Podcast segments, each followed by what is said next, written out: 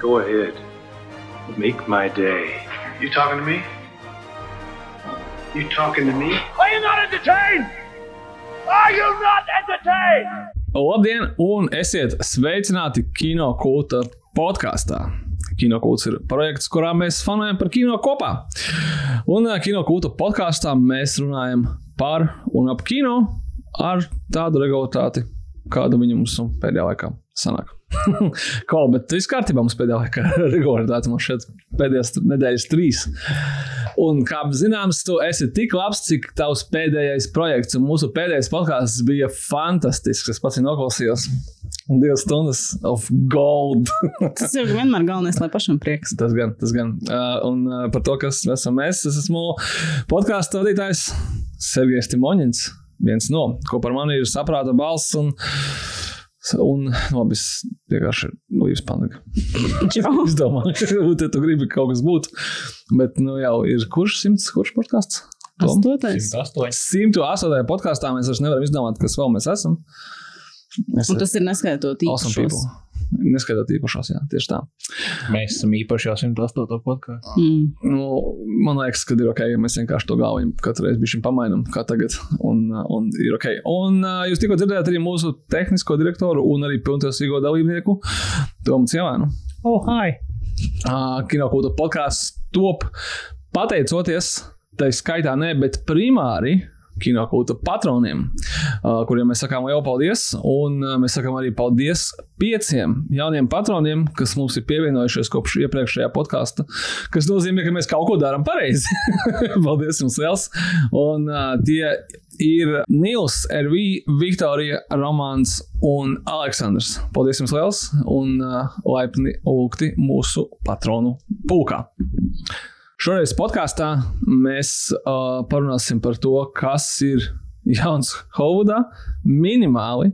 Uh, mēs pavisam nepieskārsimies tam, kas ir jauns Latvijas kinotētros, jo to mēs runāsim nākamajā podkāstā, kur mēs atkal recenzēsim visu jauno, kas ir iznācis. Bet mēs parunāsim par to, par ko mēs, ko mēs esam noskatījušies. Nē, mēs šodien parunāsim par to, ko mēs esam izlasījuši. Un ne tikai varbūt pēdējās dienas, vai nedēļas, vai mēnešus, bet vispār par mūsu iemīļotākajām kino grāmatām, vai grāmatas, kuras tādā vai citā veidā ir saistītas par un ap kino. Izrādās, ka šādas tēmas mūsu podkāstā vēl nav bijis. Bet tā kā mēs visi esam ne tikai skatītāji, bet arī lasītāji, tad, kā saka, sen jau bija laiks. Vismaz mums liekas, ka nav bijis. Ja bija, tad piedodiet, mēs jau paši neatceramies. 108 podkāsti. Pareizi. Nu, tas man jāpārbauda, pat cik viņi ir. Ai. Uh, Dorijas tipā. Good news, everyone! Anyway, man bija atstāta pilnīgi viena ziņa, kur iznāca, manuprāt, pagājušā podkāstu ierakstu laikā, un es nevarēju vairs pagriezt atpakaļ to visu aparatūru, lai mēs varam viņu ielikt. Un uh, viņi ir par to, ka uh, Scream 7 ir uh, notiksies, bet uh, bez uh, režisoru kolektīva uh, Radio Silence, kas ir režisējis pēdējās divas daļas. Scream 5, kas zināms arī vienkārši kā Scream, un Scream 6, kas zināms kā arī kā Scream 6. Nu jā, nu nav viegli. Uh, bet Scream 7 uh, plāno režisēt Kristofers Landons. Uh, cilvēks, kurš mums dāvājas Happy Death Day un Freaky. Un no kur visi gaida Happy Death, Death Day 3. Un es tā nesaprotu, kāpēc viņi joprojām to nav realizējuši. Jūs neredzējāt, ja? Es neesmu redzējis nevienu Nevienu no ne šīm filmām, ko tu esi Un minējis. Freaky arī ne. Nē. O, es teiktu, tā, ka um, Kristofers Landons nav iespējams tā kā no Kubriks. Ģēnijs, bet uh, no tiem uh, jaunajiem šausmu kino režisoriem, kuri nu, noteikti to savu karjeru ir saistījuši ar šausmu kino, viņš ir viens no talantīgākajiem. Un viņš ir viens no tādiem, kuriem man pasaka, hei, to filmu režisors Kristofers Landons. Tā, oh, ok, well, let's see, kas tur būs. Es gan neredzēju to viņa Netflix filmu, diemžēl, ar uh, Anthony Makiju. Ja nemaldos. Un es nevaru teikt, kas beigas te, teikšu, Es gribēju jautāt, kāpēc tu viņu neesat bet uh, Antonius Makijs bija atbild pati pati ar sevi.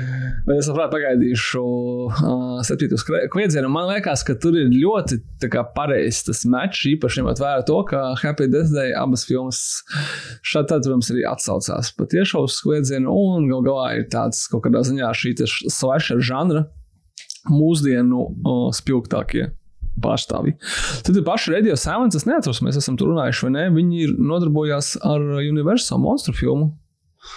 Nē, neesam par to runājuši. Nope. Nope. Uh, viņi, uh, ņemot vērā to, ka uh, šis Dark Universe viņiem nesanāca, un uh, katra tā monstru filma ir kaut kādā savā. Toms nedaskrēja. Savā stāvā, tad es atceros, kāpēc man tas stāv prātā, ka mēs par to esam runājuši, bet varbūt ka mēs arī neesam. Viņiem ir um, ļoti inčīgs projekts, kurā uh, būs savākti daudzi tie viņu monstri, bet uh, tas būs arī krustots ar uh, tādu tā kā skrīm, skrīm veidīgu, nu, guži tīņu, bet, nu, teiksim, tā jaunu cilvēku slasher filmu, kur uh, laikam kaut kāda, manuprāt, tas ir gan baumas Drakulas uh, vecākā, ne, bet jaunākā atvasa ierodās kaut kādā brīvdienu mājā un izrādās, ka tur ir vispārējie monstri, arī Frankensteins, mūmija un kaut kas vēl.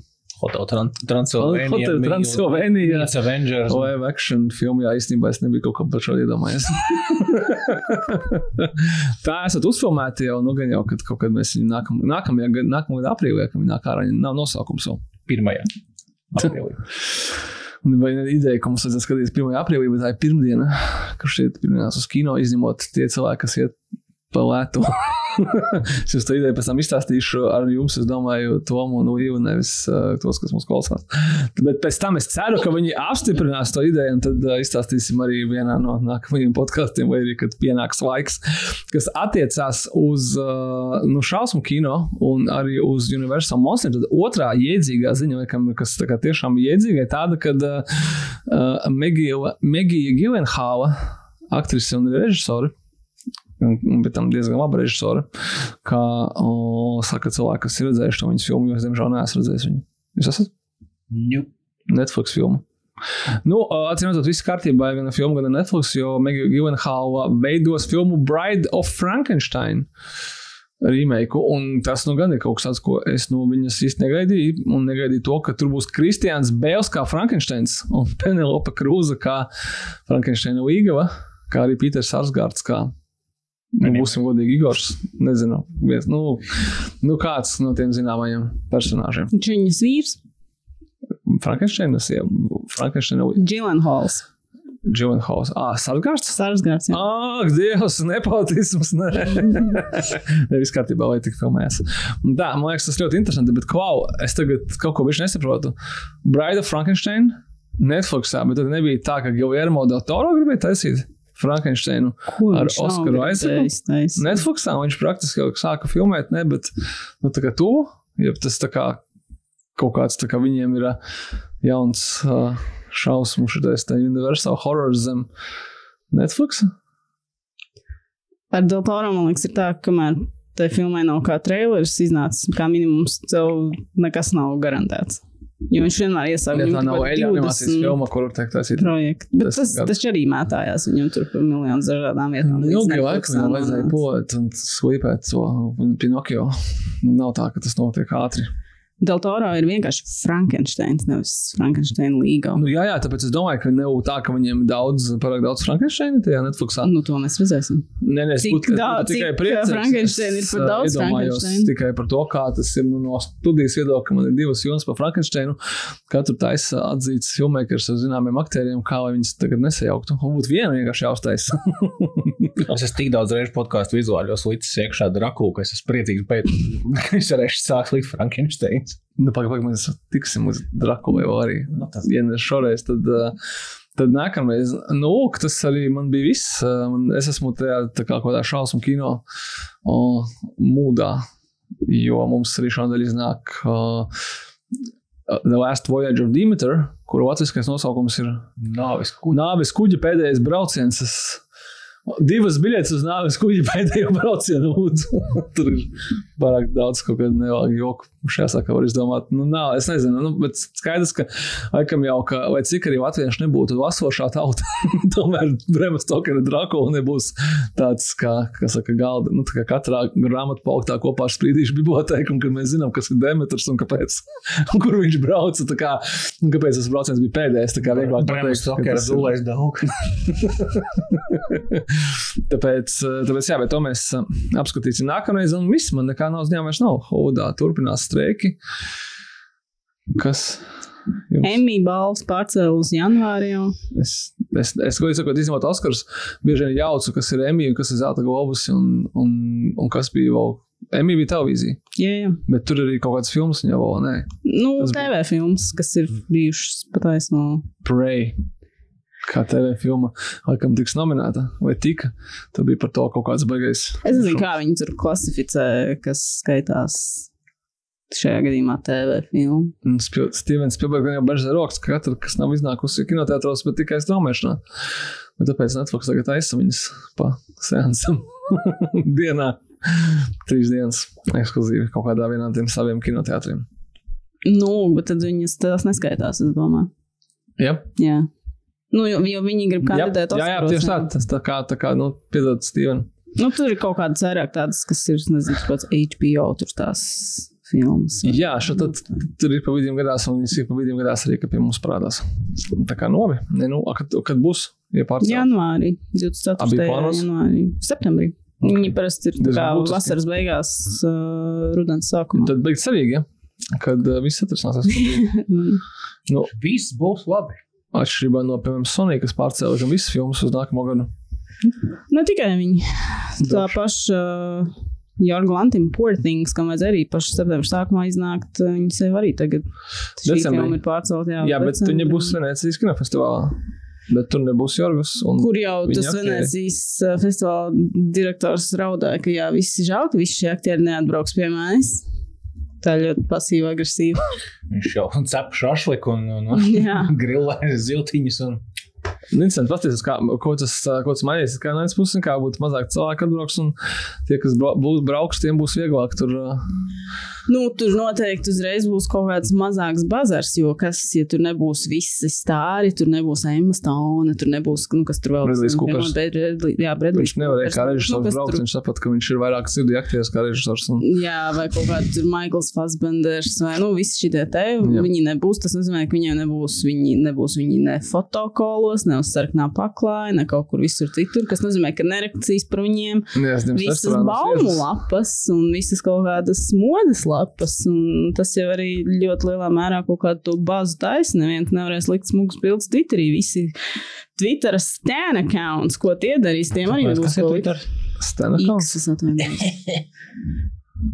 Nu, ļoti labi, ka tu ir. Es gribēju teikt, ka nu, varēs paspīdēt kaut kādu Eiropas kino spīdekļu, kas tur noteikti arī vienmēr ir piedalās festivālā, ir ar filmām programmā, bet, zin kā, viņiem netiek šis gaismas un paparacijas posms. Tagad arī droši vien netiks, tāpēc, ka tie paparaciji tur vienkārši nebūs, bet tad tas Redam nevar. vienkārši Bolivudas uznācienu. Bollywoods uz nācienu. No. Vai brauc uz festivālu un rāda visas pat, pat tāda nākamās daļas un RRR sīkvals un vispārējo. Kaut kad būs kaut kāda jauna Bollywoods filma septembrī. Oh, yeah. Tā jau ir izskatījās tā, ka Viss tieši tā, ka ir jāiet. Izstāstā tā, ka ir jāiet, jā, tieši tā. tā kā mēs ieliksim arī kino kanālu, zinu, tā kā iesim kopā un izbaudīsim kopā ar Latvijas indiešiem. Tas fun. Uh, mēs ejam beigās aptupikā. Mums ir uh, jāpasaka jums par to, kad mums ir vēl divi, ne, trīs brīnišķīgi seansi augustā.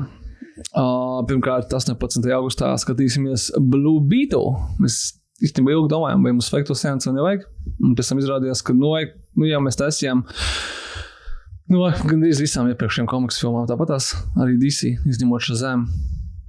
Tad uh, likās, ka, nu, labi, nu, tad, jā, nu, tad uztaisīsim, un izrādās, ka uh, tas daudziem arī bija vajadzīgs. Mēs ceram, ka tie, kas jūs klausāties, jūs esat vieni no tiem. Nedomājiet, ka mēs neesam. Labprāt, apskatīsimies. Uh, jauns supervarons nav nemaz tik ļoti bieži, ka mums sagaida. Parasti mēs vai nu sagaidām kaut kādu, kas jau kādreiz bijis, vai nu tur uzreiz ir čupa ar viņiem. No šeit, laikam, ir tikai viens. Pagaidām. Es teikšu, ka es esmu ļoti priecīgs sagaidīt to brīdi, kad tas trevors beigsies, jo es to trevoru formā esmu redzējis tik daudz reižu. Nu, tagad varēs nosties filmu un tad pielikt punktu tam. Jā, beidzot. Tā pateiks. Uh, 30. augustā vienu sanāk vai divas dienas pirms jāiet uz skolu. Tiem, nu, kam ir jāiet uz skolu, ir taču ir taču 31. augusts. Ne? Jā, es par to neesmu jau tagad sen domājis, un man tas vairs nestrauc. nu, jā, nu, kā, nu, nē, tas satrauc parasti mums tā kā jaunāks cilvēks, vai arī vecāks cilvēks. Nu, kad vai nu tev pašam jāiet, vai nu tev ir jāved bērnu skolu. Uh, man jāsaka, laikam, kad es priecājos, ka es neesmu vienā ne otrā kategorijā. Bet man ir jāņem vērā, ka bērni ir skolu. trešajā kategorijā, kas vienkārši besās par to, ka ir septiņi, bļaut, pilns transports, pilns ielas ar visiem tiem sīkajiem, visu korķi, visur vecāki ved tos bērnu šausmas. Bet Katru gadu tas notiek. tā Chill. starpība ir acīm redzama. Jā, bet Jā, jo es pēdējos gadus desmit bijām tā, ka 1. septembrī domāju, ka, kas notiek, kāpēc tik daudz. Sapratu. Bet, pir, bet Katru gadu nu, tas 1. notiek. septembrī tu pārdzīvo, tad 2. septembrī, kad tu redz kaut kur uh, bērnu uz ielas, uz skolā nav jau. Ne, nu, katram savs prieks. uh, es domāju, ka jūs arī iepriecinās, un es ceru, ka arī ne sko pirms skolas vecuma bērns iepriecinās Denzels Vašingtons un Ekvalizer 3. Īpašais sēns, kur Stils šoreiz, uh, šoreiz lielais vidutājs dodas uz uh, Itāliju un uz Amalfi piekrasti, kur, protams, notiek kaut kāda cūcība ar Amalfi piekrastē. Man arī nācies būt, un es tagad saprotu, ka pēc Skolīgi. visi tiktokeri un Instagrameri un tā tā, ka ir vienkārši ir sačakarējuši šo konkrēto Itālijas reģionu pilnīgi līdz, līdz, Tu domā, ka absurdam. Denzels tur ies ar kaut kādu tā kā šito, es nezinu, nailgun un influencerus močīs? Es nē, tu redzēji to traileru. Viņš, Nē. tik- ah, ok, tas trailers ir tik asiņains, kur jā, ka viņš kaut kas tur notiek tajā mafijā. Viņš aizbrauc ciemos un sāk risināt problēmas tajā stilā, kurā viņš risina iepriekšējās divās filmās, jā, ar Nelganu un Amuru. Un es vienkārši ceru, ka tu saskatīsies kaut kādu ļoti pēc iespējas lielāku cilvēku skaits, un es vēlu šai filmai nopelnīt 3 miljardus tā, lai vienkārši viss, kas skatās, padomā, nu, vai es mafiju vietā kaut ko paskatīties, nezinu, Santorīnī vai kaut ko, kas man neinteresē. Viņi brauc uz turieni un uz mafiju nebrauc, tur var, nezinu, atrast vietu, kur apsēsties vai pudmelē vai kaut kā vēl, jo citādāk tur nevar, jā. Bet no otras puses, es, vienkārši tā kā šī filma noteikti nebūs tā, kas cilvēkiem atklās Malfiju. Es ceru, ka viņa viņiem tā kā aizvērs. Pieliks kaut kādā ziņā punktu šim uh, uh, super overhypotajam uh, uh, reģionam. Ne, viņš ļoti skaists un tā tā, ka tur ir nu, krietni vairāk cilvēku nekā viņi spēja uzturēt. Bet mēs, protams, uh, esam priecīgi par to, ka mēs nekad nezinājām, ka mums tas vispār ir vajadzīgs, bet Denzela Washingtona ekvalizēta triloģija nu, jau pavisam drīz būs kopā ar mums. Bet dienu iepriekš, 29. augustā, mēs, kā atcerās, jebkurš uh, 90. bērns, kurš ir skatījies to video kasetēs un pēc tam DVD diskos, nu, un arī jaunāks cilvēks skatās to nezinu, HD versijās un tā tālāk, tad tieši 29. augusts ir pastarā diena pēc filmas Terminators 2 kanona. Jo, manuprāt, katrā no Terminatora filmām ir savs kanons un sava pastarā diena. Tur arī uh, pirmajās filmās viņi paskaidro, kāpēc tā, pēc tam viņiem jau arī paliekam, paliekam, paliek diezgan vienalga. Bet uh, tas ir ļoti labi, tāpēc, ka mēs uh, skatīsimies pirmos divus Terminatorus. Oriģinālo neatkārtojamo 9, 84. gara filmu, tie, kas nav redzējuši lielu ekrānu, vai varbūt nav redzējuši vispār, kas nav īstenībā nekāds pārsteigums vairāk mūsdienās, un mēs arī par to sen vairs ne, neapvainojamies. Labas ziņas, nāciet un noskatieties. gārā acīm redz, kā Uz liela sarunājas zāles priekšā. Saka, pats ir kas nav redzējuši, un viņam ir tāds. Nu, Es forši. domāju, ka šoreiz jau sākās kauns, kaunēsies un, un necels. Un uh, uzreiz pēc tam uh, Terminators 2 pastarā diena Jamesa Camerona pagarinātajā extended versijā. Nu, viss kā mums patīk. Tā kā uh, mums sen prasīja, kad varēs redzēt atkal Terminators uz ekrāna. Nu, pirmos divus varēs redzēt 29. augustā. Pārējos būs kaut kā pašiem.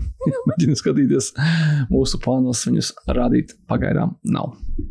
Lai gan, jau mēs varētu parādīt Genesis un Dark Fate, lai mēs pēc izšķirtu to strīdu, kas tad ir sliktāks no viņiem. Genesis. Labi.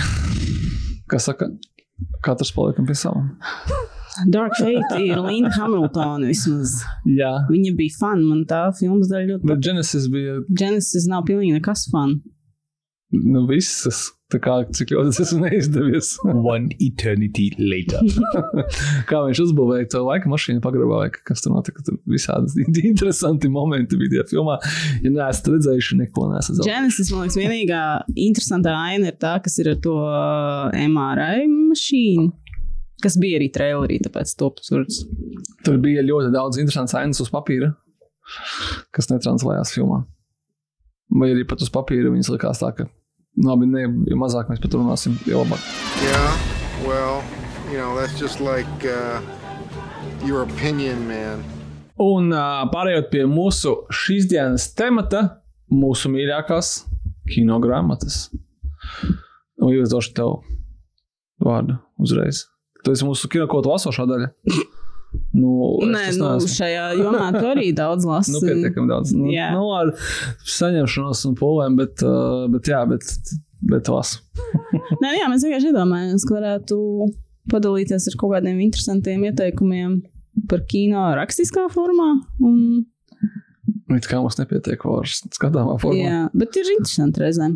Un tad, jā, mums ir katram gods dažs, ar ko padalīties, Un ko ieteikt? un ko ieteikt, ko esam paši lasījuši un ko. Bet ko neieteikt nav laikam. Vai tu varētu pateikt, ko neieteikt? Tā ātrumā nē. Kaut kādas biogrāfijas. Ir kaut kādas. Es vienkārši pateikšu to, ka es vēl joprojām meklēju pazīstamus burtiņus, tāpēc es mazāk piedalīšos šajā diskusijā. Labi. Man liekas, jā, ar kaut kādām biogrāfijām droši vien jāuzmanās, jo sevišķi, ja tās ir tā kaut kādas. ā, Ziniet, kā, kad rakstam, man patīk visi šie kaut 25 gadus vecie aktieri vai dziedātāji. Manā biogrāfija dzīves, ko es esmu iemācījies līdz šim, tā kā neko neesmu iemācījies, tad ir 25 gadi. Es nezinu, cik viņas ir vērtīgas tādā saturiskā ziņā, tās, man liekas, nav super interesants. Un vēl, man liekas, droši vien ir jāuzmanās no tām neautorizētajām, kas, bet kas nav tādas, nu, kuras nav rakstījuši tādi riktīgie autori. Okay. Nu, kā, ir tās, kas ir, nu, kur vienkārši ir kaut kādi, man liekas, salikti kopā, nezinu, avīžu raksti no sērijas, vai, nu, kas ir tādas. Mēs neesam faktu žurnāls, mēs esam baumu žurnāls. Bet es šobrīd, teiksim, lasu to Prometēju Oppenheimer grāmatu. Tu viņu skaitītu vai neskaitītu? Ā, nē, tādas balstītu skaitīt. uz, nu, nav Nē, nē, nē, es domāju, ir tādas, nu, kas tur kaut kādas. Nē, nē, nē, es domāju, tādas, kur tā kā Breda Pita neautorizētā biogrāfija. Nu, no tādas ok. sērijas, nevis kas ir pat tā kā par, vet, nu, par cilvēkiem, kas, teiksim, jau sen ir miruši vēsturiskām personām. Tāds? Nu, tieši tā, jā, kas ir tā par šobrīd vēl ļoti populāriem un aktuāliem cilvēkiem, kas tās nav viņu tādas, nu, vai Merils Strīps kaut kāda biogrāfija, vai, nu, šitādas te, kas ir tādas. Tas ir, jā, šit, šitas ir skaidrs par īpaši par cilvēkiem, kas ir nu, gan, gan šobrīd aktuāli Mm -hmm. dzīvi, es domāju, un uh, pēc tam vēl droši vien, ka jauni. Es domāju, pat neķertos kāds, kāds, bet tu man tikko uzsiti interesantu ideju, bet kā, piemēram, varbūt to ar Merlīnas Monroe biogrāfiju, kuru man lasīt un kam man ticēt? Nu, Kā ja, bija? tu, ja tu domā to Grāmatā saka, grāmatu, kvants, ka nekas nav noticis. ja tu, Grāmatā saka, ka viss notika. kas, kur, kurš, kas, ko? ja Jā. tu domā to grāmatu Ne, es- plānu, es nebiju tad- domājis, kaut jā, jo tā, vienkārši- tā nav biogrāfija, Jā. tā jau ir fiktīva, ko, ko man liekas, ļoti viegli ir palaist garām, ja tu tur baigi neiedzīvi. Jā, bet fiktīva grāmata Bet- par reālu cilvēku, kurā Nu, tur ir reāli liekas- momenti, bet also viņi ir fiktīvi tieši tādēļ, lai nevarētu piekasīties, ka tas nav. Nu, Nu, lūk, jā, tas bija mans tāds uh, interesants. Nē, man liekas, ir jāstāsta, kas ir tas autors un kāda tur tie avoti un kādas, kādas ir atsauksmes un kāds ir bijis tas. Jo, nu, ir nopietni biogrāfiju rakstītāji, tas pats uh, Walters Isaacons, kuru es pieminēšu, un, nu, kuriem tu zini, ka tu vari uzsēties, kas ir tā kā. Cilvēki, kas tiešām veic izpēti, bet tad ir arī jā, kaut kādas, nezinu, chat GPT rakstītās grāmatas, jo mūsdienās jau tur izdod grāmatu elektroniskā formātā. Pat Tur, publicējot, es nezinu, kā viens knipis, viens knipis, ko es Jā, tas ir tikai es, es, es atsaukšos vēl uz šo no vienā citā grāmatā, ko es esmu ieteikšu, ko es tagad lasu. Un, un esmu jau man šeit nokaitinājis arī mūsu kinokūtu patronu čatu cilvēkus ar, ar screenshotiem no viņas. Droši nāciet patronu čatā. Jā, Mm, es, ir ok, ļoti interesants, interesants screenshot. Nevis tā kā es vairs nesūtīšu, bet tā kā, no, no, tur ir fun, funny stories. Bet jā, es atceros, ka es pēc tam šī trīs gadu lasīšanas pabeidzu to Schwarzenegger biogrāfiju. Biogrāfiju. Un uh, es pabeidzu tikai tāpēc, ka iznāca tas dokumentālais seriāls Netflixā par viņu, un, uh, un tas otrs seriāls, kur es neskatījos uz beigām. Un, laikam, arī Tu viņu trīs neskatījos. gadus lasīji, tāpēc, ka ar to akcentu bija grūti lasīt. Nē, es viņu reāli kā sadalīju trijās daļās, un uh, man interesē tikai tā kino daļa, un tā sporta daļa bija interesanta, un tā politikas daļa bija nenormāli boring. Tā kā, nu, nu, ļoti, nu, vienkārši viņi mums ļoti neaktuāli. Mēs nu, grūti saprast, kas ir Kalifornijas problēmas un tā. Bet uh, gan tā grāmatā, gan arī uh, seriālā, kas man liekas, ir interesanti, viņš nav tā, ka, nu, ka kā at, atteiktos no kaut kādiem, teiksim, netīrībām, kas viņam. Un lielākā mēs zinām, viņam bija tas ārvalības bērns, tad arī jāsaka, viņam bija kaut kādi harassmenti, ko viņam apsūdzīja, nu, ka viņš tur ir cilvēks, kas esat aizticis un nepieķi- ne, ne, neķītri jokojas un tā tālāk. Un uh, basically viņš saka, ka, uh, nu, oh, I'm sorry, tā kā, nu, nevajadzēja man tā darīt, bet, nu, nu tāda ir dzīve, nu, tā kā, nu, ko jūs gribat, visi mēs kļūdamies, esam cilvēki, ne? Bet es tagad lasu citu grāmatu, citu autoru par visiem tiem action filmu varoņiem, tur ir tie paši, tie paši momenti, ko Švarsnegers ir aprakstījis tajā savā grāmatā, kas ir, nu, īstenībā, laikam tā arī ir, ka tā kā viņš teiks, o, forši, tipa, tur gāja kaut kāds čalis, tipa, tur nezinu, Dovs Ungrens, tas tā kā smieklīgi pa viņu pajokojam, mēs visi restorānā beigas smējāmies, super joks, man izdevās, kāds es esmu malāts, un, un tajā otrajā grāmatā rakstīts, ka, Arno, tu biji esols, tā kā, reāli, tu pretīgi pajokoji, tu vienkārši, tā kā, nu, dik, dik, dik move, dude, tā kā tas nav smieklīgi, tas ir nepatīkami un pretīgi, un, un citreiz arī, nu, kaut kādi, it kā forši cilvēki varbūt arī pilnīgākās dīrsas un tā, un, un, un tie ir viens un tas pats notikums, ko katrs, eh, protams, redz pa savam, tāpēc arī tām grāmatām, kuras ir, teiksim, autorizē, autorizētā biogrāfija, kur ir sarakstījis vai līdz sarakstījis pats autors, tur jābūt uzmanīgiem. Un, Nē, nu- uh, tas man lika padomāt par to, ka, hei, gribēju palasīt citu Švarsnegera biogrāfiju, kurā varbūt šie momenti būtu citādāk atspoguļot, un nevis tikai viss tā, ka jau bija beigts foršais joks, beigts labais, viss bija forši un tā. Nu. Nē, nē, no tāda viedokļa, protams, ja tu, nu, tā, kā, tā ir viņa rīktīgā biogrāfija, tad tas ir jāņem vērā, ka tā ir nu, no viņa perspektīvas visticamāk rakstīta un ka tad tur Protams. būs kaut kāds viss tā pagriezts. Bet tā, nē, es, vairāk domāju tādas, kas ir tās. Sevišķi, ja kaut kādās ārzemju, Lielbritānijas lielajās tajās grāmatnīcās pastaigā, tur ir tie atsevišķie plaukti ar tām biogrāfijām, un tur ir tādas nenormālas sketčī paskatās, jā, es saku, ko Breda Pita tur bija mums ir biogrāfija. un tas, Nu, šitās, šitās, tā- nē, bet kaut kādas tādas riktīgās, kārtīgās, tās ir interesanti, jā. Pat uh, oficiālās ir jādabū čeko par kaut kādām lietām. tas Arī, jā. vairāk. Nu, tieši tā. Bet interesanti būtu palasīt no malas, teiksim, man pirmais ieteikums uzreiz tā pāriešu ir uh, grāmata, kuru es izlasīju sen, sen atpakaļ. Manuprāt, kurš, kurš ir um, vairāk vai mazāk, vai pat nedaudz interesējās par kino veidošanu, ir dzirdējis, ka uh, Roberta Rodrīgas Rebel Without a Crew, un viņa grāmata, ko viņš sarakstīja, manuprāt, 23 gadu vecumā. Ne, kaut, kā, kaut, kas, kaut kas ap to. Man redz, kā Līta tikko teica, ka, ko tu vispār zini. Nē, Es nu, savā 23 gados saku, viņš kaut ko bija izdarījis, Viņš 23 bija, viņš bija diezgan daudz ko izdarījis. Un, nu, tā kā salīdzinoši daudz, bet viņš arī godīgi apraksta savu pieredzi. viņš, bija, viņš bija uztaisījis savu pirmo filmu, ko viņš daļēji, daļēji nofinansēja, piedaloties medicīniskos eksperimentos. Un, uh, izklausās briesmīgāk, nekā īstenībā viņš vienkārši sēdēja tajā kaut kādā medical facility, un viņam katru dienu deva tabletes, tad mērīja temperatūru pa lielu, skatījās, vai pumpas parādās vai neparādās. Nu, tā, tas nav tā, ka viņi izauga trešā kāja vai ko, un viņš saņem To jau vēl varbūt tikai redzēs. Saņēma 3500 dolārus par to visu, un vēl 3500 dolārus viņš kaut kur citur atrada un uzfilmēja filmu El Marieči. Būtiski bez naudas. Un tā viņš to stāsta. Man, man, man, man tā grāmata, es viņam lasīju, ka man bija, manuprāt, tikpat daudz gadu, cik Rodrīgesam, vai vismaz ap to. Un tad jau bija skaidrs, ka, hei, šis nebūs tā kā, ok, Sergei, kā tu uztaisīsi savu pirmo filmu, kā, nu, tas nebūs tā kā tāda rokas grāmata, tas ir drīzāk tā, ka, hei, bet tā arī var. Bet varbūt nevajag, ja tu neesi Roberts Rodrīgas, ja arī katram ir jāatrod savs ceļš, un šis varbūt nav kā pats labākais, ko darīt. Nu, lūk, un tagad viņš rīmē ko pats savus Spikins Netflixam. Bet atcerēsimies, ka Roberts Rodrīgas vienmēr ir bijis tas, kurš ir, bija pārliecināts, ka jādara pašam viss. Tas arī, manuprāt, nevienmēr jādara. No, vai ir drīzāk, varbūt pat nav jādara kino kolektīvs darbs. Dažreiz tu vari to darīt, bet nevienmēr tas, nu, drīzāk tas nav vajadzīgs nekā ir vajadzīgs, manuprāt. Ja riet ripas, tad nu, visi kopā nevis viņš viens. nu, vai nav jābūt savu filmu operatoram, komponistam un, un montāžu režisoram, bet ir svarīgi saprast, ko šie cilvēki dara, lai tu varētu dot viņiem pareizus naudas un, un arī kaut kādas pareizas rīkojumus un nedot galvenais kaut kādus stūmus un, un tā, lai neaprunājas mūžs. nu, laikam tā. Bet uh, es īstenībā izņēmu šo stāstu un neko baigi vairāk neatceros par to grāmatu. Nu, kā viņš filmēja to Elmari Ečs, pareizi atceros tā tur. Diezgan liela daļa arī par to viņa kaut kādu bērnību, kā viņam tur bija tur tas NT brāļu māsas, viņi tur kopā visu kaut ko filmēja. Viņš tāds bija aktīvs. Tas, ko es paņēmu no viņa, tas, ka ne tikai daudz bērnībā zīmēt kaut ko kvadrē, bet arī citiem cilvēkiem rādīt to visu, ko tu uzzīmēs. Nu, tas tā kā ir iedzīgāk nekā tur, turēt pie sevis. Tas varbūt arī kaut kāds diezgan labs, labs learnings, jo viņš bija visu kaut kur tur filmējis kaut kādas tās īsfilmas, rādījis kaut kādās sūtīs pats gadnieks būdams kaut kādos konkursos. Nu, tā. Bet vienmēr varbūt nevajag rādīt tās klātes, jo man vakar darbā kolēģis stāstīja, ka viņam skolās bijusi pimpju klāta. Bet... ir tieši tas, pēc kāds izklausās. Tagad visi zīmē vai visi apraksta? Nē, tur bija kaut kādiem dažiem, vai... laikam, uh, jauniešiem bija īpašas klātes, kur tika zīmēti tikai pimpji. Nē, nu, I mean, tas, ir anatomiski pareizi. No anatomijas grāmatas tad nākamais, ko viņš zīmēs, būs supervaroņi ar tiem tur pareiziem muskuļiem un muskulatūru. es ceru, es ceru. Man, nu, kaut kā arī eksperimentāls rips zīmēs krāniņu. Nu, jā, nu, kaut kā ir jāaug, tā kā nav tikai viens tas orgāns, bet ir vienkārši tā kā tie, nu, tur tā kā tas, tas viena tā žesta pimpīca, tad nezinu īsti, kur tas var vest. Nekur man šeit īpaši.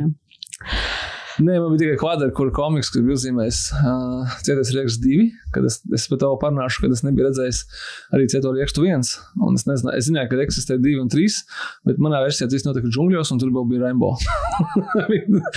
Crossover fordienas.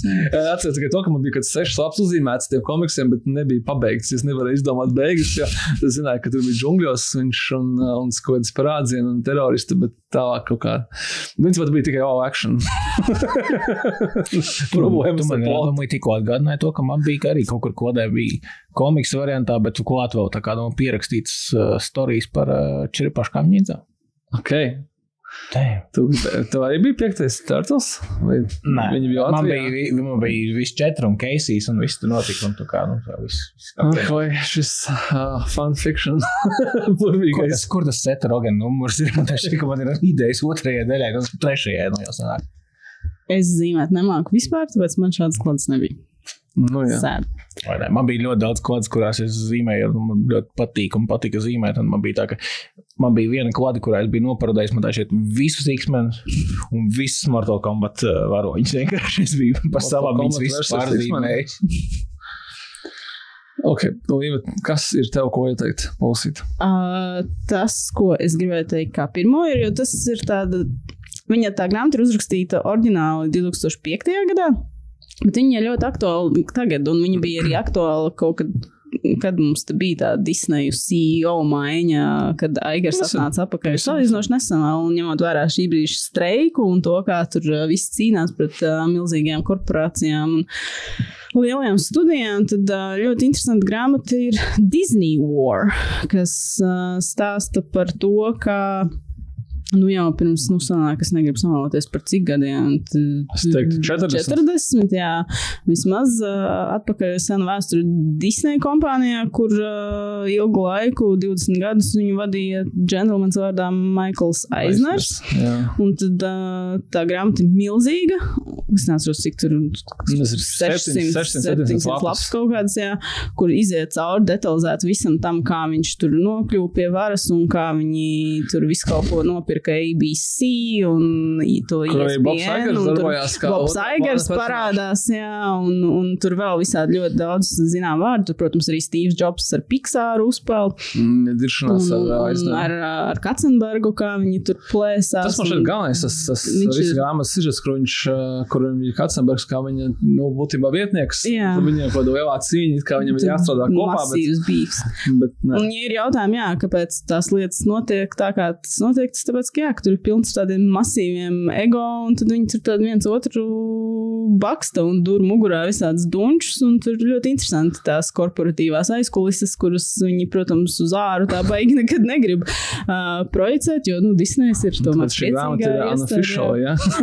bet, uh, bet... Respektīvi, tā ir grāmata about Dex. Jā. Klade. Jā, tieši tā.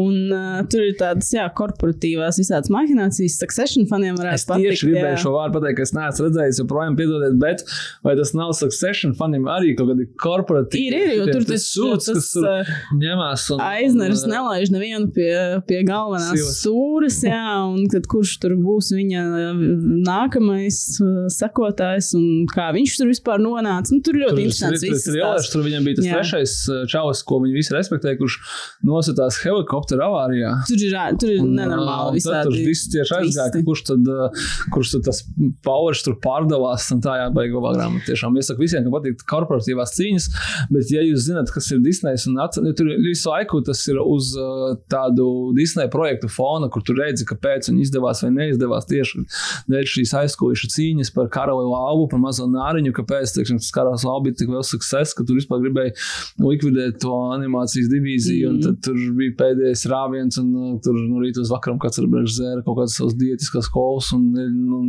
mēģināja to karalu lauvu pataisīt par pusdienu hamotu animācijas formātā. Jā. Tā, nu, ja interesē tās, jā, tās, tās korporatīvās uh, mahinācijas, ļoti, ļoti interesanti grāmata. Nu, viņa diezgan ilgi lasās, un viņa nav arī viegli, varbūt ļoti lasāma. Viņa kā ir uzrakstīta interesanti, un tādā ziņā nav grūti lasīt, ka viņa būtu grūti uztverama, bet tur ir ļoti daudz jā, detaļu un šausmīgi daudz arī to personāžu. Tur vienā brīdī, ko man liekas, Džoni visi sajūta tur vienā putrā, un tur bija šī tas, jā, tur gan arī blakus tāda schēma, kurš tur bija kurš, bet, uh, bet nu, ir ļoti interesanti. Un saku, tur kaut kādi tādas mazās informatīvās detaļas par tiem personāžiem reizēm. Es saku, jā, ļoti daudz uzreiz apskatoties tieši Disneja kā studijas, un arī gan animācijas, gan live action output, tu uzreiz saproti, kāpēc, tur, kā, kāpēc tas ir bijis un tā ir bijis. Un, un kā vienmēr gribās kaut ko pārskatīt, kas nav redzēts, un tagad ar citu, tagad citām acīm un jaunu informāciju. Atšķirībā no Boba Aigra grāmatas, kuras bija izlasījis pirms šeit aizpagājušajā gadā, kas tā jau palika tikai ar kaut kādiem dažiem faktiem galvā, un tagad vēl pavisam liekas kaut kas pilnīgs fufels, kurš ir sarakstīts. Tā kā nu, tā nav, bet come on. nu, tā tik, tik viegli un tik jauki tas viss nav. Bet, nu, viņš jau bija plānojis iet tajā savā pensijā, bet Mm, mm, nekas nesanāca. Uh, es gribēju piebilst, uh, ja man ir arī šī grāmata ir uh, sarakstā, un uh, viņai ir uh, nevis tā kā otrā daļa, bet kā B-side, ko savukārt es ieteikšu. Un uh, grāmata saucās The Man, daudzskaitlī Who Would Be King. Viņa stāsta uh, apmēram par to pašu laiku. Drīzāk viņa ir kā sīkvels, tāpēc ka viņa sākās ar to, kad Jeffrijs Katzenbergs aiziet no Disneja prom, respektīvi viņš nevis aiziet. Bet viņu-. Viņu aiz, atlaidi nosacīti, viņš aizgāja, uh, uzreiz viņus iesūdzēja pa 300 miljoniem vai kaut kādu milzīgu summu un atkaroja to summu. Beigu beigās pēc ļoti garas un nepatīkamas tiesas prāvas arī dabūja, un daļa no šīs summas.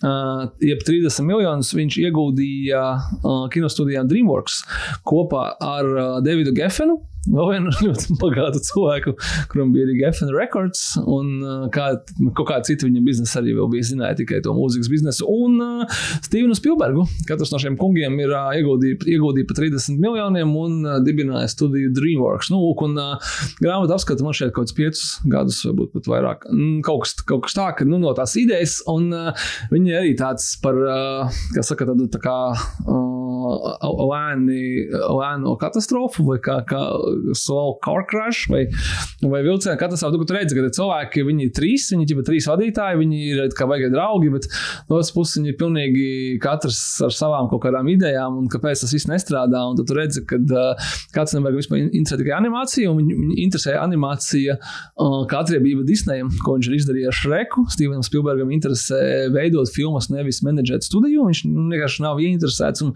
to nedara. Un Deivids Gefens ir, uh, viņam nauda interesē palielināt. Nevis varbūt kino tik ļoti, vai kaut kāds glamūrs, un, uh, un cik daudz, cik ļoti rožaini viss sākās ar DreamWorks. Tik, tam tas diezgan bēdīgi beidzās. Bēdīgi priekš uh, veidotājiem, jo, manuprāt, Spielbergs ar uh, Katzenbergu un Gefenu pārdeva pēc tam viņu par 500 miljoniem un vairāk kā trīskārtīgi vai desmitkārtīgi atpelnīja savu investīciju, bet uh, pārdodot visus projektus, un es nezinu, kas tagad notiek ar DreamWorks un kam viņi pieder kā zīmos, bet noteikti vairs ne tā, kā tas bija domāts, kā viņi gribēja kļūt par vienu no lielajām studijām, kur beidzot autori varēs radīt savas filmas, nevis korporatīvi tur kalpot kaut kādiem saimniekiem saimniekiem. Bet beidzās viss kā parasti. Ko korporatīviem saimniekiem. Ja mēs atvasinām vēl tālāk no tā Disney War, es jau minēju, ka tur kādā brīdī uzpeld arī Steve Jobs un Pixārs, protams. Un šajā sakarā īsnībā es ieteiktu arī izlasīt visu to Steve Jobs biogrāfiju, oficiālo, ko viņš pats lūdza, lai uzraksta. Volteram Aizaksonam viņš vairākas visādas biogrāfijas ir rakstījis. Zinu, par ko viņš tagad rakstīs. Nu, Nākamā viņa grāmata būs nē. Es varbūt atdzirdēju, bet tagad, kad man tā paprasīja, par Ionu. oh, paldies. Nē, Jā. Normāls kā kritiens. Viņš rakstīja par Albertu Einsteinu, tad tagad- Ne, nu labi. Bet jā, viņš uh, uzrakstīja arī masīvu grāmatu, kur arī no, tu, no šūpuļa līdz nu, sanāk kapam viss ir aprakstīts par to, kā Steve Jobs uh, izdarīja, neizdarīja to, ko viņš kaut ko darīja, neizdarīja. Uh, bet uh, nu, jā, tur arī pieskars, protams, Uh, Pixāra, Pixāra elementam, jo, nu, kā mēs zinām, Jobs bija arī tur iesaistīts, un viņa tad ir attiecīgi līdz ar to interesanti kinofaniem. Tur, protams, ir nenormāli, nenormāli daudz arī tās tehniskās puses aprakstīts visādas par datoriem un tam līdzīgām lietām, ko varbūt ir brīžiem grūtāk izsakot līdzi, bet, bet Aizaksons ļoti tā cilvēcīgi to visu apraksta, un, ja interesē arī tur kaut kādas Jobs. Uh, aizkulisku drāmas, tad arī ir interesanti. Un interesanti ir arī no tāda viedokļa, ka tu izlasi šo grāmatu, un tad tu skaties to Deniju Boila filmu ar Maiklu Fasbenderu. Ir ļoti interesanti salīdzināt, kā no tā milzīgā aprakstošā visa stāsta viņš, Ārāns Urkins, ir pēc tam izvilcis ārā tās nu, trīs ainas būtībā, bet viņš tur ir iekapsulējis visu to būtību, Jobs un tādu to stāstu. Bet Un var, tāds- teikt, var teikt, ka tā ir filma grāmatas ekranizācija. Viņa, man liekas, skaitās, jā, kad, Kā skaitās, bet vai, Kā viņa bija kā, nu, kā, kā adaptēts scenārijs, un ka tur tas pamats ir vilks no viņas ārā. Tāpēc nu, tāds arī Mhm. neordinārs gadījums, tādā adaptācijas ziņā. Bet, bet jā, interesanti, jo nu, Jobs tāds viņš visu kaut kur paspējis, visu kaut kur iebāzt savus pirkstiņus, tos arī kino pasaulē. Un tad uh, ir, ir noteikti vērts palasīt. Tā arī nebūs tā, saka, tāda vieglā lasāmviela, bet uh, ļoti, ļoti, ļoti interesanti. Nu, man jau priekšā. Es uh, saku, tā viņa pieturēs klāt. Bet uh, gan jau, ka tas laiks pienāks. Kādā brīdī, kad es nenopirkšu jaunāko iPhone, bet sapratīšu, ka, nu, I must get to the source, kāpēc tas viss sākās un, un tā. Uh, bet, jā, es uh, gribēju ieteikt uh, vienu no labākajām grāmatām uh, par uh, kino un par kino tieši filmu vēsturi, ko es esmu lasījis. Un patiesībā tās grāmatas ir divas, viņas nāk, uh, un tu man varēsi arī mm, piebilst, piekomentēt, jo tev arī šī grāmata ir sarakstā. No autora Pītera Biskinda, un tā ir uh, Easy Riders un Raging, Easy Riders komats Raging Balls, kas, uh, kā nu, nosaukums saka, noprasts ir par Easy Rideru un par Raging Bull, un arī par uh, taksi driveru Jaws, Star Wars, French Connection, Godfather, Godfather Part 2, Exorcistu un daudzām, daudzām citām uh, 60., 70. un arī 80. gadu Hovudas filmām par to tapšanas vēsturi aizkulisēm un cilvēkiem, kuras, kuri viņas veidoja, un bieži vien, uh, vai jāsaka, pārsvarā, nu, tas ir ļoti krāsainas un detaļām, de, krāsaini detaļām bagāts stāsti. Par visu tā laika tādu atmosfēru, kāda tur Bet, jā, valdīja tieši tā, šajā. par, par visu tā laika atmosfēru un, un kā, kā tas bija. Un īstenībā tas ir tik ļoti, manuprāt, citādāk, kad, uh, kad uh, nu, jāsaka, gandrīz katram, kam interesē kino vēsture, un uh, kuri skatās filmas, kuras ir vecākas par 2000. gadu. Iesaku šo izlasīt, bet uh, šī ir vēl viena no tām filmām, par kurām es teiktu, tā, ka tā ir bīstama grāmata. Tā ir bīstama grāmata, pēc ka jūs viņu lasot, jums vienkārši visu laiku būs uh, jāatraujas un jāpiefiksē. Ok, un man šo vajadzētu nosties, un šo, uh, nu jā, šitais būs, hmm, šitos neesmu redzējis. Uh, šis jāpārskata, jā, šis ir interesants, tāds jauns uh, insights par šo filmu.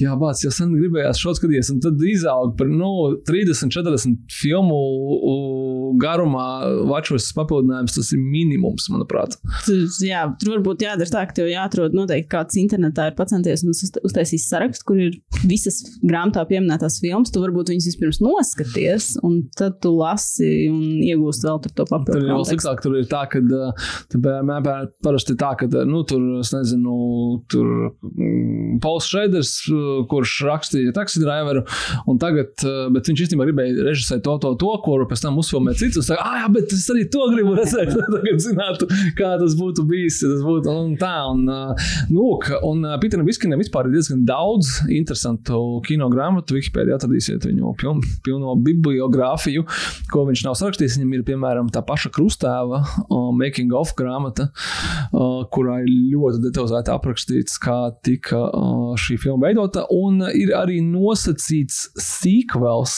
uh, filmai, uh, grāmatai Easy Riders Raging Bulls, kas saucās Down and Dirty Pictures, Miramax, Sundance and the Rise of Independent Film, kuru es patiesībā izlasīju sākumā pirmo. Un uh, kaut kādā ziņā viņa man ir tuvāka, tāpēc, ka es tieši nu, augu un, uh, un bija tāda pirmā saskarsme ar internetu un gīga kultūru, drīzāk jau ar uh, kaut kādu Miramaksu, Kevinu Smitu, Tarantino pirmajām filmām un visu to. to To pasauli, kas toreiz bija. Un īstenībā, jā, tur šī grāmata ir sarakstīta 2004. gadā, un es tikai ļoti labi atceros, ka uh, nu, diezgan skarbi par Harviju Weinsteinu tur bija nu, viss vis tā viņa virtuve. Viņa diezgan, nu, es teiktu tā, ka tā ir diezgan liela daļa no šīs grāmatas, un tā arī bija diezgan liela daļa no kino pasaules, īpaši no neatkarīgā kino pasaules. Un uh, tur viņš, nu, tā kā normāli pārbaudas pāri uh, Harvijam un asfaltu rūlu, bet tikai, nu, radošā izteiksmē. Skaidrs, ka tur nebija nekāds, nekāda privātie skandāli un tā. Tas bija viens no otrs, kam pamatīgi tika, bija Roberts Redfords un tā kā, kā viņš vadīs, vai drīzāk nevadīja Sundance kinofestivāla institūtu un, un, un, un, un tad radīja tādu, arī tādu sajūtu, ka, nu, nevis negatīvu, bet, nu, ka viņš tāds tur šādi tad ienāk, apskatās, nu, kā jums iet, viss normāli un tā, bet, ja kaut kas nestrādā, tad atlaiž visus, pieņem jaunas, bet pats tā īpaši baigi neko nevada. Nu, līdzīgi kā Spielbergs Dreamworks gadījumā, ka interesē tikai savi projekti un savas filmas.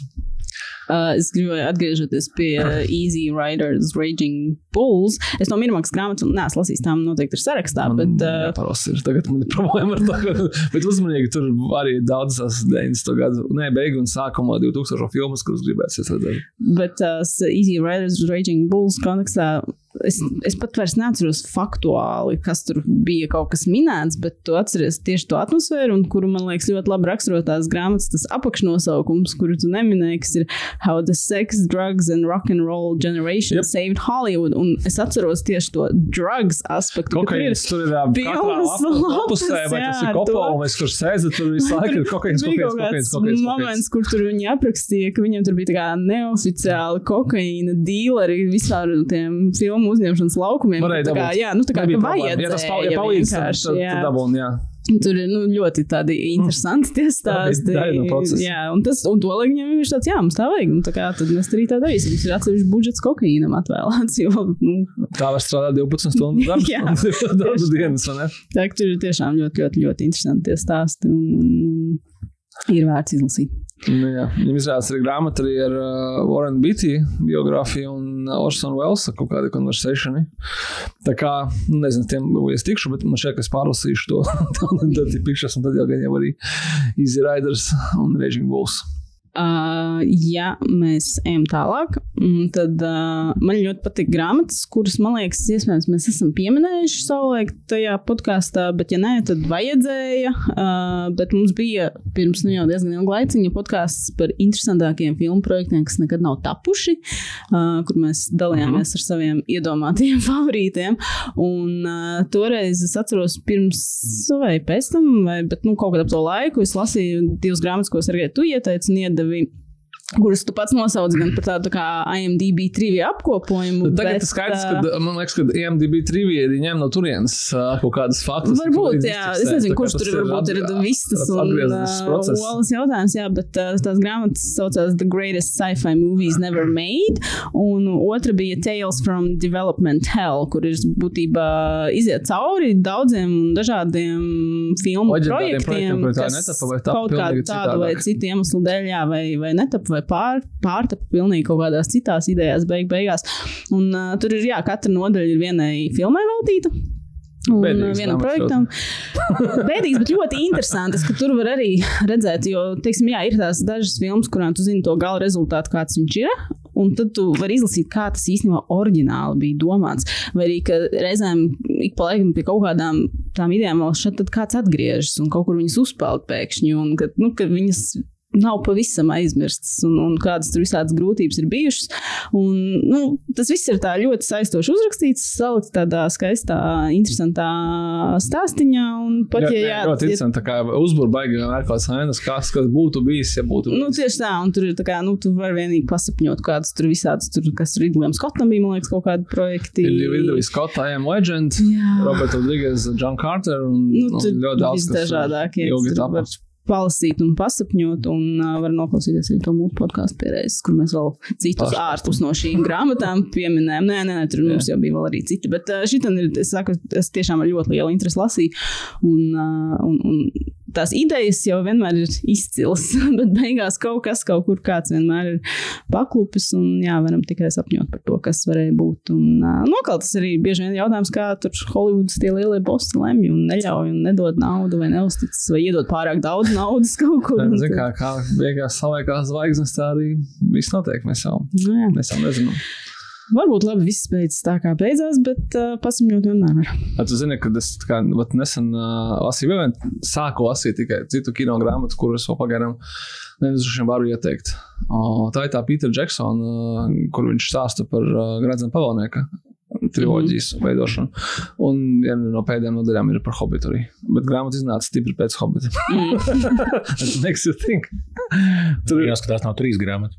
Nu, labi, ka tā, ne? Bet nu, tā viena ir ļoti bieza. Uh, es tagad negūlēšu nosaukumu, bet tā ir vienīgā Pītera Džeksona grāmata par, uh, par uh, Gradzena pavalnieku triloģiju. Bet tur jau pateiks, ka, kā, uh, kad uh, viņi jau bija sākumā paņēmuši to Stuartu Townsendu kā Aragornu. Jā, jā, tas jau bija Un, zināms. uh, viņš Viņi, viņš pat kaut ko nofilmēja, man liekas, saprast, ka nebūs. dienu viņš esat nofilmējis. Tas tā kā es tagad tieši par to sāku rakt kaut kāds, nu, dziļāk, un tā, ka tie grāmatā viņš, nu, Džeksons baigi to taktiski pasaka, ka, nu, nu nesanāca. Bet tam tur ir, tur ir tā, ka viņš uh, vairākus mēnešus bija vienīgais aktieris, kuru viņš pats lobēja.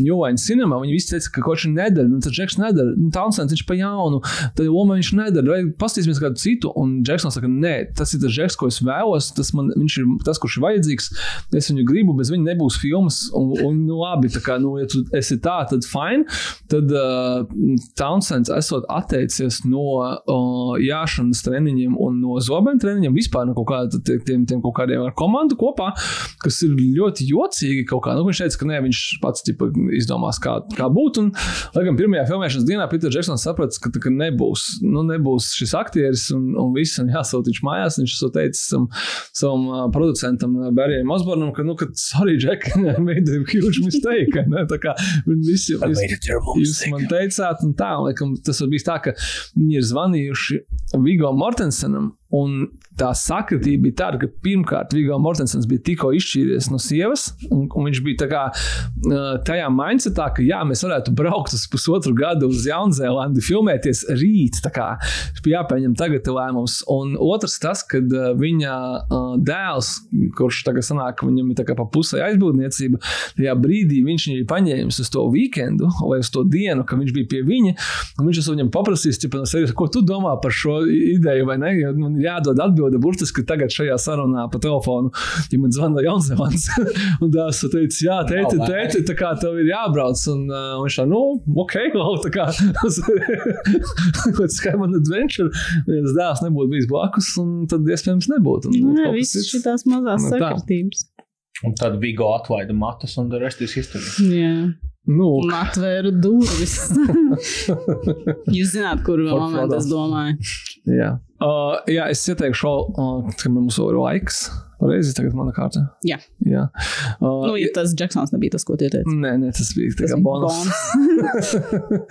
Tā kā Uh, Hobbit films. Ieteikšu grāmatu no autora, uh, kurš sauc Nika de Semuen.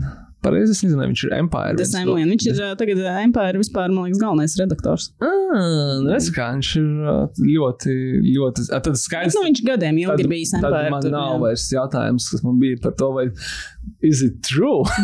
nu, es ceru, ka kā, nu, viņš ir respektabls cilvēks, un tomēr Empire mēs uzticamies. Uh, un Nikam Desemjanam ir uh, cita grāmata, kuru es gribēju izlasīt. Sākumā viņa saucās Wild and Crazy Guys, un viņa stāsta par uh, 70. un 80. gadu komiķiem un kā viņi iekaroja Hollywoodu, respektīvi uh, Johnson, Jims Belushi, Dens Ekroids, Edijs Mērfijs un uh, citi, kas bija un nebija Saturday Night Live. Un es to grāmatu biju, nu, tā kā man daudzreiz ir slavējuši kaut kur internetā, un kad es biju labā, tad es sapratu, ka man ir jāizlasa, bet hei, viņam pēkšņi iznāca cita grāmata, kas ir jaunāka un kas saucās uh, The Last Action Heroes, kas arī stāsta par 70. un 80. un arī 90. gadiem un par uh, man jāatzīst, man tuvāku tēmu nekā šie ļoti cienījamie komiķi, kurus es respektēju, bet nu, tie nebija mani bērnības varoņi. Bet savukārt uh, Arnold Schwarzeneggers, Silvestris Stone, Džons Kots Van Damme, Dauls Ungrēns, Bruce Willis, Džekijs Čants, Čaks Norris un pat Stevens Seagals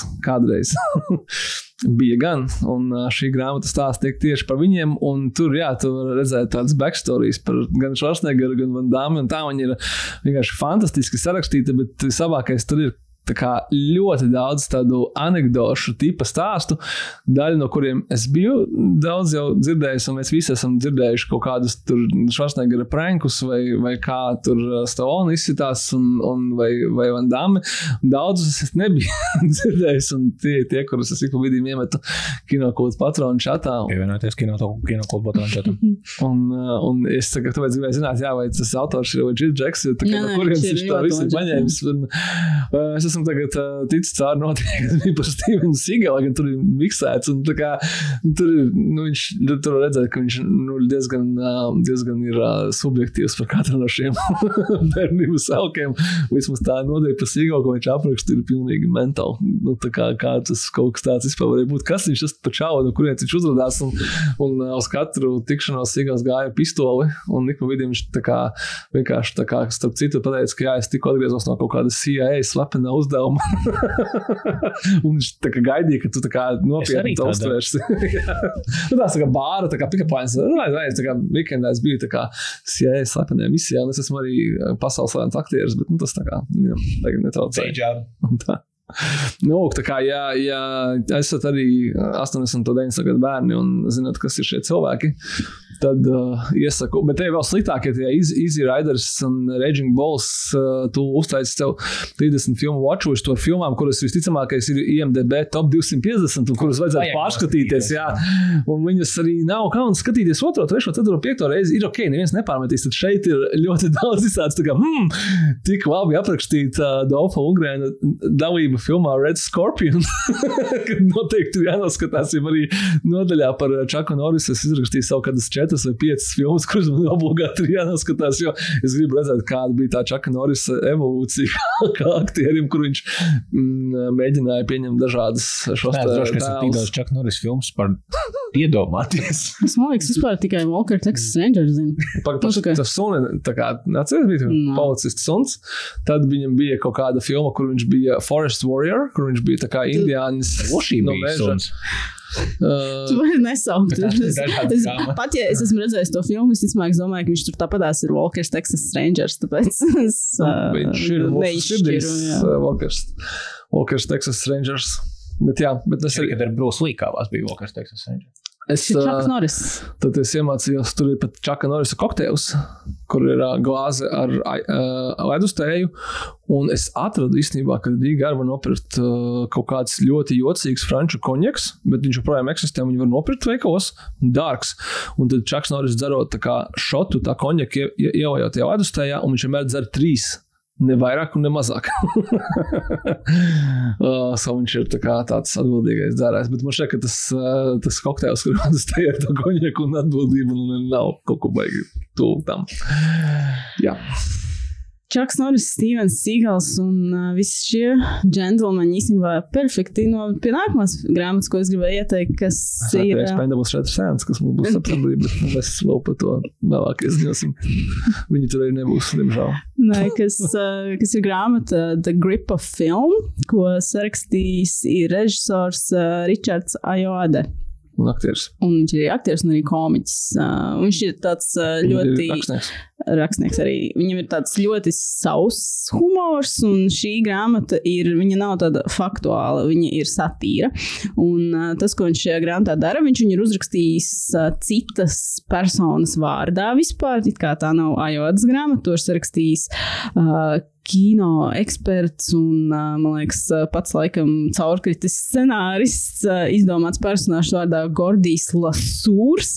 Un viņš šajā grāmatā iziet tā kā tādam kino alfabētam cauri, nu, no A līdz Z, katrā burtā apskatot kaut kādu kino aspektu, kur viņš tad sniedz šo savu eksperta viedokli, kas, uh, kas tas ir un ko tas nozīmē. Un tur, teiksim, character study pie C ir, un tad, nu, kas tev būtu jāzina par šo, un viņš to visu apskata caur Stevena Sīgala uh, un uh, Džaka Norisa un, un, un uh. Patrika Sveizī, Dairadi. Nu, tur tādas uh, tieši šīs uh, Arnolds Schwarzenegger arī filmas, un uh, es vairāk esmu uzzinājis par filmu Roadhouse no šīs grāmatas, nekā es viņu, kad dzīvē, man liekas, vispār uh, esmu, esmu neesmu redzējis. Man, man ļoti viņa tagad gribas noskatīties. Tā filma, uh, tas personāžs, kuru viņš uztur šajā grāmatā, kā šīs grāmatas autori, ir tas nu, ļoti pretīgs. Viņš ir uh, apzināti seksistisks un tāds draudz, nu, tāds ļoti nepatīkams cilvēks. Un tad tas jautājums ir, lasot šo grāmatu, vai tur to joku var tolerēt. Vienkārši, ja var, tad viņi ir nenormāli smieklīgi. Es viņu lasīju un es skaļi smējos līdz asarām. Vienkārši, jo nu, kaut kādā brīdī tu, tu, tu vairs nespēju izturēt to ārprātu. Absurds tevi Nu, pārņem. tas absurds tev pilnībā pārņem tieši tā. Uh, ja tur tā kā tu nevaibo ar to stilu, nu, tad apniks ļoti pēc trīs nodaļām, es domāju. Jau, bet, uh, Bet uh, man ļoti patīk vienkārši tas ājādas humors. Uh, es viņu, es katru gadu ceru, ka viņš būs Big Fat Quiz of the Year, piedalīsies kā viens no tiem dalībniekiem. Un, uh, jā, jūs zināt ājādi, tad, tad ar to var tā kā diezgan labi uztvert to, to viņa vilni. Un tur ir, jā, tur arī ļoti daudz filmu, kuras gribēsies pielikt sarakstam. Iespējams, kaut kāda daļa varētu pārklāties ar uh, grāmatu, ko tu minēji. Tas mēs viņus nevajag skatīties. Es domāju par to. Varbūt, ka labāk, viņas tu izlasi tā kā, tā kā tā. Nu, varbūt, jā. Skaties, es saprotu, mums ir 90 minūtes of, of this crap. Bet jā, viņš tur, tur bija, saka, teiksim, tā pati Roadhouse, ko viņš minēja. Viņš viņu vienkārši tik daudz reizes tur citē un apskata kā šo kinematogrāfisko absolūto zenītu. Tā, tev kaut kā gribas nosīties. Un Tu saproti, ka viņi, protams, tas ir domāts viss kā liels joks, un viņi apsmaida visas šīs filmas un Stevens Eagle un viņa dūras un vispārējo. Bet, nu, tas humors ir tāds interesants, bet, nu, es saku, ja uzķer uz to pareizo kaut kādu vilni, tad uh, viņš strādā ļoti, ļoti, ļoti labi, un tur tās atsauces ir miljonus, un, man liekas, Sergei, tu novērtētu to grāmatu vēl citā līmenī nekā es, jo tu būsi redzējis tās filmas. Es lieku viņu sarakstā, bet pēc tam, kad es būšu noskatījies, to jau watchlist, tad čaku noris. Un, bet tur ir ļoti jā, daudz citātu. Un tad, un tad pats Ajoda ir kā tas uh, grāmatas bijis uh, redaktors, un tur ir viņa piezīmes zem zvaigznītes. Nu, tur tādos vairākos meta līmeņos arī strādā. Un, un, un es saku, var gadīties, ka netrāpa galīgi, bet, ja trāpa, tad trāpa okay. ļoti labi. Es klausos, ka šis ir trāpījums desmitniekā. Nu, es saku, man liekas, tev tas būtu vienkārši nu, tā, ka. Mm. Es nevaru katru dienu, es atceros, kā, ka kaut kāda Ungrēna filma tajā viņa nodaļā, kuru es neesmu. Un Grēns tur arī jā. ir, jā, nu, protams. Ungrēna filma, kuras neesmu redzējis, ka viņš ir kaut kāds parastais cilvēks. Sanželosā tādiem bicepsiem, kas nav parastiem cilvēkiem. Izrādās, ka ir arī kaut kāds cits planētietis, kurš injicē bezpajumtniekus ar heroīnu. Jo, un es nepamanīju, jo Sanželosā ir daudz heroīnu narkomānu. Un tad viņi paliek high, un viņš viņiem izsūs kaut kādu to esenci, kas radās cilvēkam tajā brīdī. Un tad Ungrēns ir vienīgais, kurš saprot, ka kaut kas nav labi ar tiem heroīnu lietotājiem, kad viņi mirst pārāk aizdomīgā nāvē, bet nav tas tik svarīgi, kā kā es vienkārši nekad neskatīšu šo filmu, jo tur ir aprakstīts, ka beigās viņš satiek to cipelnietieti, kurš uh, pēc, uz, pēc tam, ka viņš viņu kur atdauza, kārtīgi, un, un viņš saka, no, wait, I come in peace. Un Ogrēns viņam saka, and you will leave in pieces. Viņam ar bazuku vai kaut kā. Man liekas, Tas ir pārāk labi, lai būtu patiesība, un tāpēc es negribu pārbaudīt, kā ir īstenībā. Tas nevar būt tik labi, kā es to esmu izcēlojies. Man nav tā grāmata prokē, bet izklausās vismaz 75% iespējamība, ka viņi ir pieminēti tajā grāmatā. Tā, ka... tā ka jā. Bet Ogrēns tur tāds jāsēd. Sēd. Nu, viņu atgriezās un viņš teica, ka jau pēc tam, kad bija. À, viņam bija zināms, kā viņš, viņš arī bija izrādījis ģimenes cilvēks. Viņš, apre- nu, viņš, viņš bija ar to mm, populāro dziedātāju, mm, slash atlētu. Tas ir, es zinu, ko Greits Greis Jones. Džons. Jā, jā, un tad, tad viņam, nu, kā sanāk, viņa, viņa viņu atrada, tad viņš iz, ar viņu braukāja kur kopā. Bija viņai tā kā anturāžs tāds uh, džekiņš, un tad viņu paņēma pēc tam, kad Greisa Džons viņam ieteica viņu pamēģināt uz to Rocky 4. Varbūt, ka tev izdosies. Nu, tā kā, nu, lai nesēdi tikai es laiku backstage, tad tā kā ne- nedirni.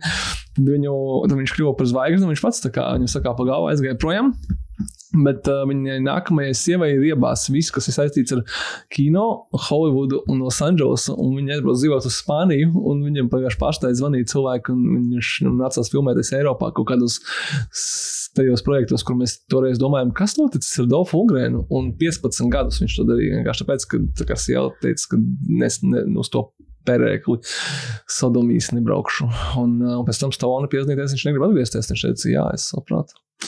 Ja jūs nekad to neesat darījuši, es iesaku to izdarīt. Pagūglējiet bildes ar Dolfu Lundgrenu, Grace Jones. Tas Ļoti ļoti, weird. interesants. Tad sava laika kapsula un tāda interesanta kapsula. Nu, eh, nu, visi mēs esam uh, nonākuši pie jau pašām beigām. Jā. Vēl ko es gribēju pateikt, es nezinu, vai es to varu ieteikt, bet man tas likās kā fun fact, vai nav tikai jāstāsta par kaut kādām uh, grāmatām, kuru nosaukumus mēs visticamāk ieliksim šī podkāstu aprakstā, tomēr angļu valodā, lai jūs varat viņus arī atrast un uzmeklēt. Un, uh, es ceru, ka arī izlasīt. Uh, es uh, pavadīju bērnību lasot, kā es gribētu to uh, noformulēt. Līdzīgi kā Kventins Tarantino, mums ir šī lieta kopīga, ka mēs esam daudzreiz lasījuši grāmatu, filmu novelizācijas. Ātrāk nekā es esmu redzējis tās filmas, kuras, kuru, nu, kuras, pēc kurām šīs grāmatas ir sarakstītas. Jeb tas ir tas, jā, ko Tarantino arī bija minējis tie savā gan pēdējā, gan pirms, pirmspēdējā grāmatā, un man tas uh, bija kā uh, filma, grāmata svešais un svešie, un vēl pirmais svietais raksts, kur uh, es tagad mēģinu saprast un atceros, ka laikam jau ka tā bija grāmata svietais raksts, kur patiesībā bija tā oriģinālais romāns, jo viņu grāmatā sauca Līvans. Nevis Maklēns, bet uz vāka bija Brūss Vilis. Pie tam nezinu kādēļ, bet nu, tajā bildē no trešā cietā rakstā. Skatoties uz svešiem, man liekas, ka šausmīgi bēlīga grāmata, un uh, es saku, ka viņas lasīju. Es arī, bet tas tavs grāmatas vāka apraksts izklausās tā kā vienkārši, kā, nu, tā, ka tu centrāli tirgu pēc kaut kāda Jā, DVD tas bija tieši tas, krievu valodā par kaut kādu vienu latu vai repšiku Latvijas rūmu. Un uh, svešiem, es atceros, ka bija tā, ka bija vāks, bet kā, tas nebija gigera svešais, bet kaut kāda tā mākslinieka interpretācija par to. Par to. Viņš bija tā kā līdzīgs, tagad saprotu, bet tas nebija tieši tas pats, bet uh, ņemot vērā to, ka uh, nu, skaidrs, ka fantāzija strādāja toreiz labāk nekā tagad, es biju iztēlojies tos to notikumus. zīmē artificial intelligence. Nu, vienkārši. jā, tagad To vienkārši saliek bildes no filmas. Un, nu, vai tu redzi, kā tam ir jāizskatās? Un, un tā, tā kā man pirmā saskarsme ar to visu bija grāmatas forma, grāmatu formātā, nevis filmu formātā. Un es saprotu ne tikai vienam, vienam man, bet arī Kventam Tarantino. Atradām šo vienojošo faktoru. Kā pēdējais ieteikums, arī tādu citādu uh, ieteikšu. Uh, jūs noteikti atceraties uh, 2011. gadā iznākušo Martinas Korsētas filmu Hugo. Un viņa bija balstīta uz grāmatas uh, Brian Selznika The Invention of Hugo Cabret. Un gan tā filma, gan arī grāmata, kas tās pamatā ir, ir patiesībā par kino, par tiem kino pirmsākumiem, par, uh, par Meliezu un uh, tām pirmajām mēmajām filmām un tām pirmajām zinātniskās fantastikas filmām, ko viņš taisīja. Un uh, tas viss ir arī ļoti skaisti parādīts tajā grāmatā. Tā grāmata ir nenobīsieties ļoti milzīgi un biezi, bet tur ir šausmīgi daudz ilustrāciju. Viņas visas ir zīmētas ar zīmoli, un tādas ļoti interesantas un skaistas. Un pēc tam var redzēt tos kadrus arī uh, skursējas filmā. Viņš tur nu, arī atkārto kaut kādus momentus. Un, uh, tur ir tā kā, jā, ja interesē kā, ne tik daudz, varbūt kaut kādas tieši faktuālas lietas palasīties, bet kaut kādu to kino maģiju un burvību uztvert, tad tas tāds ļoti skaists un tiešām aizraujošs. Nu, es negribu teikt nieks, bet tāds elegants veids, kā pavadīt kādu vakaru un, un, un palasīties par, par, par, jā, par tā laika uh, kino tapšanu un visām tām idejām un tam līdzīgi. Un pēc tam arī nosīties tos kursēs filmu, kas ir liel, lieliska filma. Tas ir, vai teikt, nosīties Hugo. Jā. Ja nemaldos, tad tas bija tas laiks, kad Korsēns tur to Hugo vai, vai taisīja, vai reklamēja, un viss pārējais, kad viņš iz, izspļauj to tekstu, ka vajadzētu Citizen Kane pārtaisīt 3D. Nopietni, es to nebiju dzirdējis. Izklausās tā kā ka to nevajag tagad skaļi teikt, jo kāds tagad to var nopietni uztvert. Nē, zinu, kā 3D nav komiks filmas, un šādai vajag ko Citizen Kane, šeit vajag pārtaisīt. Varbūt, yep. kad, varbūt, kad uh, it will bring back people to the theaters. No 3D tajā laikā taču. Nu, jā. Un, ja interesē vēl tāds mēmais kino, kaut kāds tā interpretācijas literatūrā, bet ne tādā uh, dokumentālajā literatūrā, tad es nesen salīdzinoši, nu, kaut pagājušajā gadā, man liekas, izlasīju ļoti savādu, bet ļoti interesantu grāmatu, kas saucas Radiance. Uh, tur ir tā ir tā kā alternatīva vēsture. Viņa ir kā salikta kopā no dažādiem. Nu, Izdomātiem vēsturiskiem avotiem, un tur stāsts ir par vienu dāmu, kura taisa filmas Un tur, ir, tu, tur viņiem vēsture ir attīstījusies tā, ka joprojām ir mēmās filmas aktuāls, un tad viņi ceļo pa dažādām planētām un taisa uh, kino. Un tur tematiski ļoti, ļoti daudz, kas vēl savalks kopā. Viņi arī sarežģītajā savā struktūrā, un tur arī personāžos, bet kaut kas tur bija tāds ļoti kinematogrāfiski maģisks arī.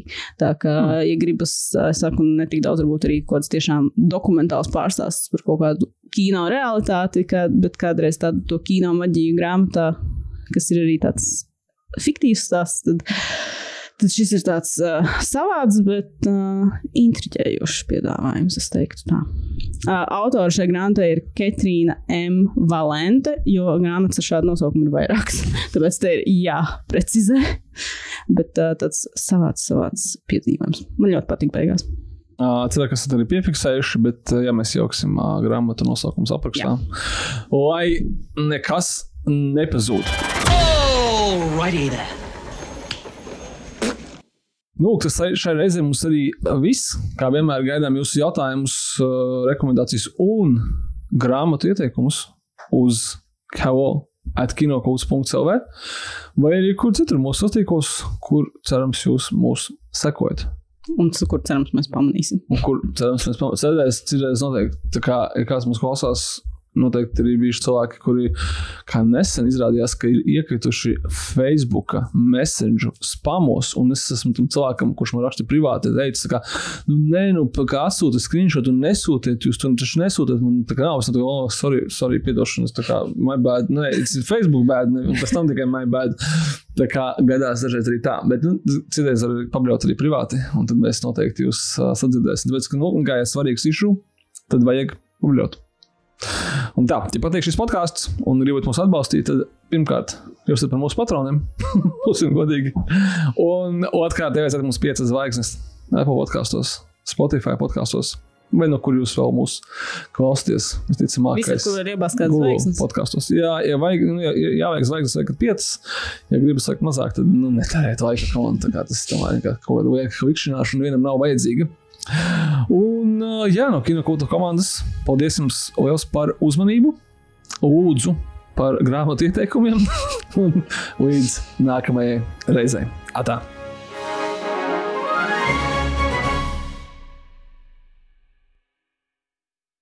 How'd you do that? I don't know. You memorize the whole book? No. You start from the beginning? Yeah. How far did you get? G. G? G. God's sake. William Marsh. God's sake. You memorized to G. Yeah, G. A, B, C, D, E, F, G. G, half a G. That's good, Ray. Yeah, I like that. yeah.